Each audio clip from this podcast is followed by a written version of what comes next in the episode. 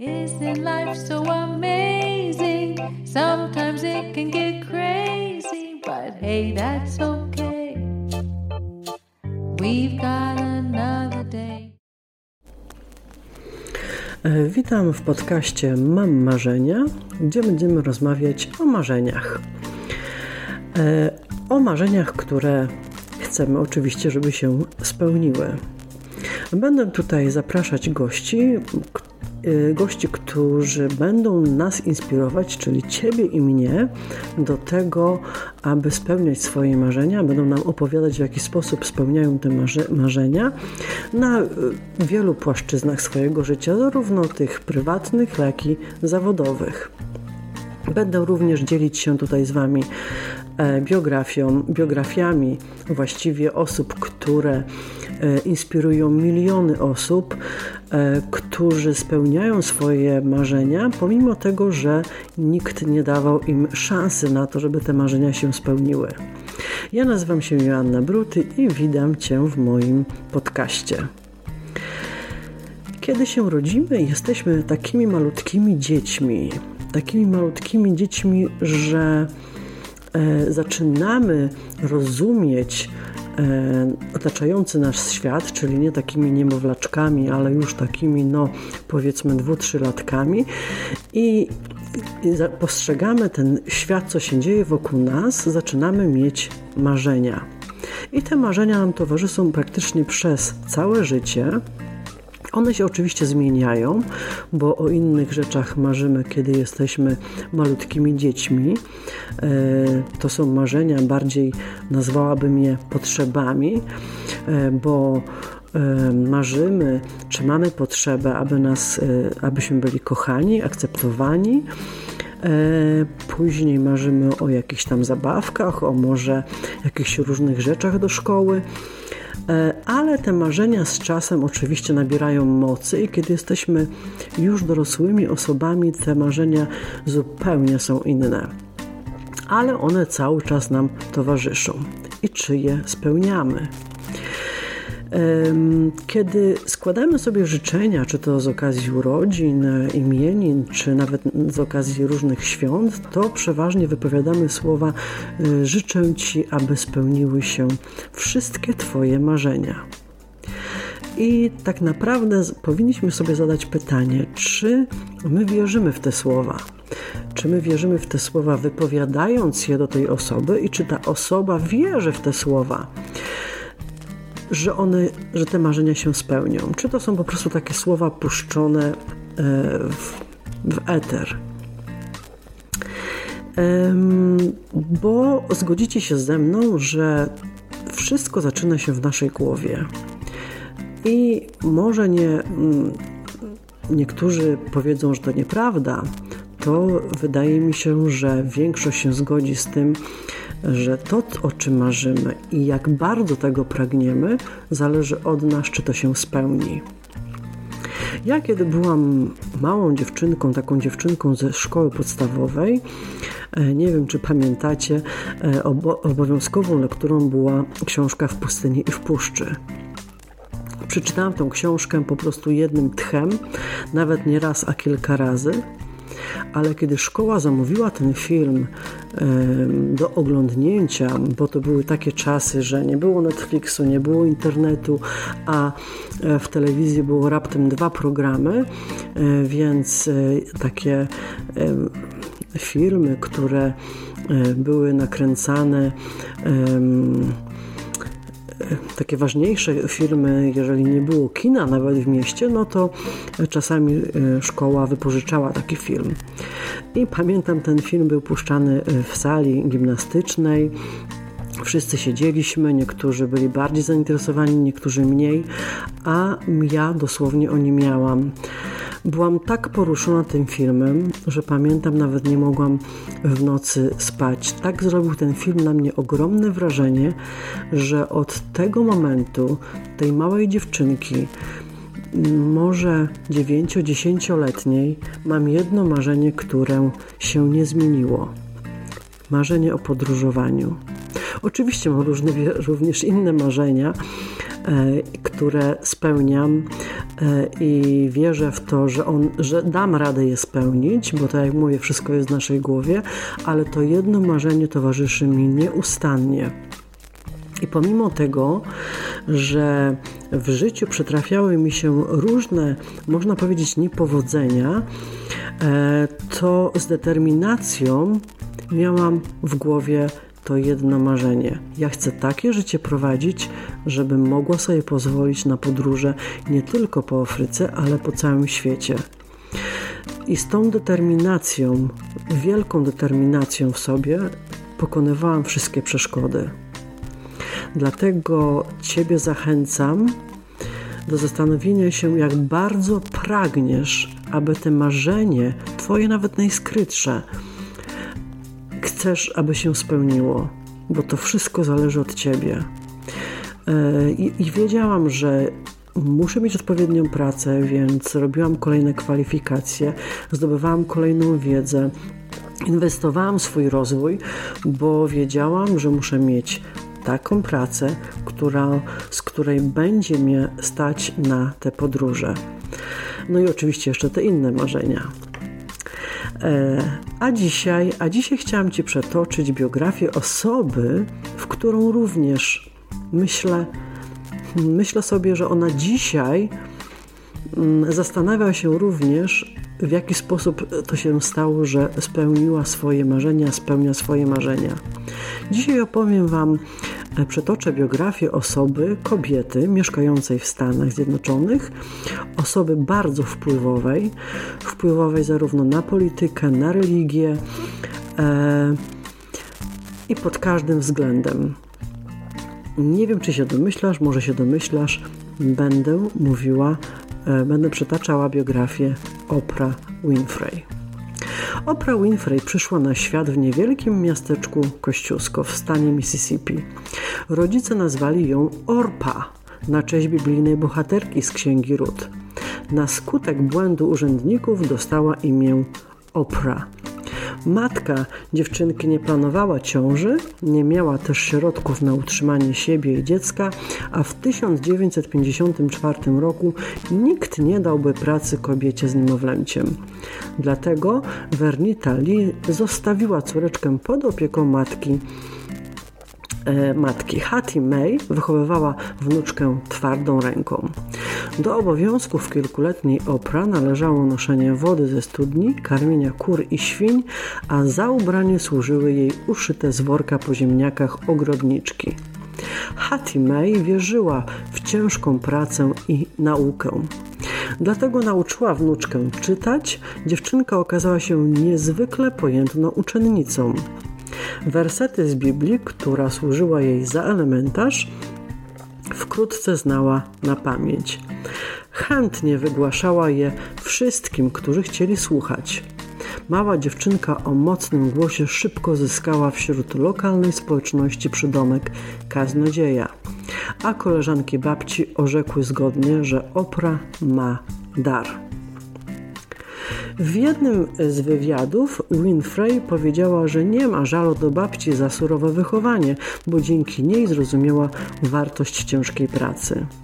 W talk show wyznała, że prawdziwe piekło w jej życiu zaczęło się, gdy powróciła matka. Sześcioletnia Opra padła ofiarą molestowania seksualnego. Jej 14-letni kuzyn po wszystkim zabrał ją na lody i powiedział, że jeśli komukolwiek powie o tym, co się stało, gorzko pożałuje. Wkrótce sytuacja powtórzyła się z innymi przewijającymi się przez dom matki mężczyznami. Po pewnym czasie Opra zaszła w ciążę z wujkiem. W wieku 14 lat urodziła synka. Wcześniak zmarł kilka tygodni po narodzinach. Opra zaczęła szukać ukojenia w narkotykach i nie wiadomo jak potoczyłyby się jej losy, gdyby nie ojciec, który dostrzegł w zagubionej nastolatce potencjał. Opra dostała się na Uniwersytet Stanowy Tennessee, jedną z nielicznych uczelni, która w czasie segregacji rasowej kształciła czarnoskórych. Świetnie się uczyła i zajęła pierwsze miejsce w konkursie Czarnej Miss Piękności Tennessee. Częścią nagrody była wizja w lokalnej stacji radiowej. Opra miała na antenie powiedzieć coś o sobie. Zrobiła to tak dobrze, że zaproponowano jej pracę. Tak zaczęła się dziennikarska kariera nikomu nieznanej dziewczyny. Jeszcze na studiach zaproponowano jej pracę w telewizji. Opra obawiała się, że nie uda jej się pogodzić pracy z edukacją. Zdanie zmieniła dopiero wówczas, gdy jeden z profesorów uświadomił jej, jak wielką szansę dostała. W lokalnej telewizji Opra współprowadziła główne wydanie wiadomości. Kiedy po studiach przeniosła się do Baltimore, znów dostała pracę w telewizji, tym razem w charakterze reporterki. Szybko wyszło na jaw, że nie radzi sobie najlepiej. Nie potrafiła opanować emocji, gdy mówiła o ofiarach pożarów czy napadów. Na wizji łamał jej się głos, w oczach miała łzy. Empatię Opra uznano za brak profesjonalizmu. Właśnie ta cecha już wkrótce miała stać się jedną z podwalin jej sukcesu. Reporterkę przeniesiono do telewizji śniadaniowej, a następnie powierzono jej prowadzenie nadawanego w porannym paśmie talk show People Are Talking. Jej partner Richard Sher wspomniał, że ludzie pokochali to, iż potrafiła słuchać. Opra mierzyła wyżej. Nie zniechęcała się, gdy mówiono, że jako czarnoskóra kobieta osiągnęła już szczyt możliwości. Wysłała taśmę z kilkoma odcinkami programu do chicagowskiej stacji WLS TV. Szefostwo postanowiło dać jej szansę. Niebawem okazało się, że podjęto słuszną decyzję. Oglądalność programu z dnia na dzień rosła. Przeniesiono go do popołudniowej ramówki pod zmienioną nazwą The Oprah Winfrey Show. Talk show Opra nazywa się często najważniejszym programem w amerykańskiej telewizji. Przyciągał miliony widzów przed ekrany, niezależnie od tego, czy bohaterem odcinka był Michael Jackson czy zwykły Amerykanin. Każdy bez wahania wyjawiał jej największe sekrety. Prowadząca nie szczędziła szczegółów z własnego życia. Na wizji wyznała, że przez kilka lat brała krak, zaprosiła odnalezioną po latach przyrodnią siostrę, którą matkę oddała do adopcji, opowiedziała o przyrodnim bracie zmarłym na AIDS i drugiej siostrze, która przedawkowała kokainę. Mówiła szczerze o problemach z tuszą, a przy okazji promowała bieliznę wyszczuplającą i posiłki dietetyczne. Lata wcześniej, zanim świat usłyszał o influencerach, opera sprawiała, że ze sklepowych półek błyskawicznie znikał produkt, o którym choć krótko wspomniała w programie.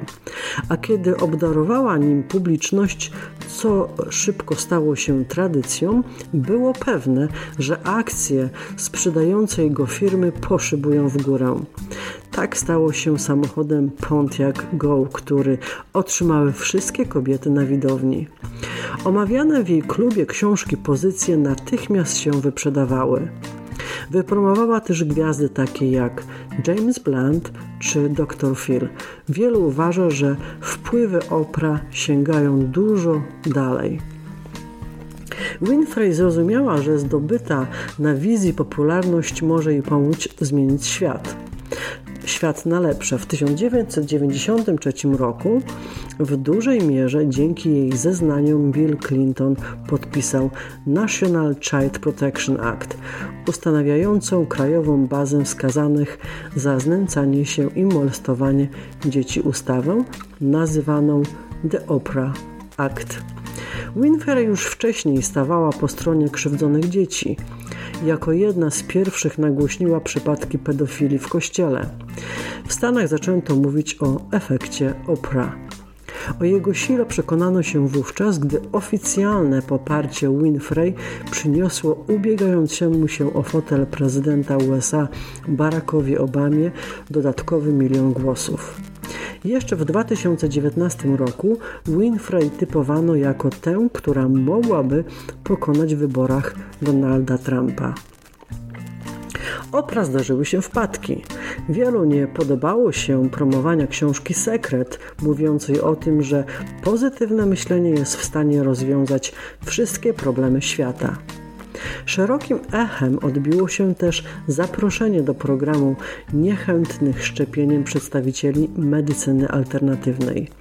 A kiedy w czasie epidemii choroby szalonych krów Oprah powiedziała, że straciła ochotę na hamburgery, sprzedaż wołowiny spadła tak bardzo, że hodowcy bydła z Teksasu wystosowali przeciw prezenterce pozew zbiorowy. Sąd oczyścił Winfrey z zarzutów, a media rozpisywały się o tym, jak po raz kolejny udowodniła wpływ na opinię Amerykanów. Pod koniec 2009 roku Oprah postanowiła zakończyć program. Mój show był moim życiem, ale kocham go ta, na tyle, że wiem, kiedy powiedzieć dość tłumaczyła wówczas. Ze sceny zeszła z przytupem. W jednym z ostatnich odcinków wystąpiła urzędująca wówczas para prezydencka Barack i Michelle Obamowie. Koniec programu nie oznaczał wcale pożegnania z telewizją, wręcz przeciwnie. Oprah w kolejnych latach poświęciła się rozwijaniu własnej stacji telewizyjnej Oprah Winfrey Network, w skrócie OWN. Grała w filmach m.in. w Selmie i w Kamerdynerze. Już wcześniej pokazała, że ma patent aktorski. Za rolę w Kororze Purpury w 1986 roku była nominowana do Oscara. W 2018 roku podczas 75. gali rozdania Złotych Globów Oprah odebrała honorową nagrodę imieniem Cecilia B. DeMille. Jej przemówienie publiczność nagrodziła owacją na stojąco. Nawiązała w nim do historycznych wydarzeń z czasów segregacji rasowej. Mówiła też o akcji MeToo. Chciałabym powiedzieć wszystkim dziewczynom, które nas oglądają, że na horyzoncie widać nowy dzień. I kiedy nadejdzie świt, będziemy to zawdzięczać mnóstwu niezwykłych kobiet, z których wiele jest tu dziś z nami, i niektórym fenomenalnym mężczyznom. Wszyscy oni walczą o to, by zostać liderami, którzy wprowadzą nas w czas, kiedy nikt nie będzie już musiał mówić ja też, powiedziała Oprah odbierając nagrodę. Oprah Winfrey działa też charytatywnie. Założyła szkołę dla dziewcząt w RPA, wspiera wiele programów edukacyjnych dla dzieci i młodzieży. Własnych dzieci nie ma, bo twierdzi, że nie byłaby dobrą matką. Nigdy też nie wyszła za mąż, choć z byłym koszykarzem i przedsiębiorcą Stedmanem Grahamem jest w związku od 1986 roku. On inaczej rozumie małżeństwo. Nie pasują do tego tradycyjnego obrazka. Wyznała w wywiadzie dla amerykańskiego Vogue Świat kocha opra właśnie za to, że żyje w zgodzie ze sobą. Myślę, że ta historia pomoże Ci w podjęciu być może kilku decyzji i zastanowieniu się, czy nie za szybko się poddajemy, kiedy nasze marzenia idą nam troszkę pod górkę Wydaje mi się, że powinniśmy po nie sięgać bardziej odważnie, z większą determinacją i spełniać je. Życie mamy tylko jedne, więc przejdźmy te, przez ten życie z pasją i właśnie z marzeniami. I tego Wam życzę serdecznie. Zapraszam na kolejne odcinki, gdzie będę zapraszała moich gości. Do usłyszenia. We've got mistakes and say sorry. There's no sense in our worry, cause all we can do is try our best to make it through with love.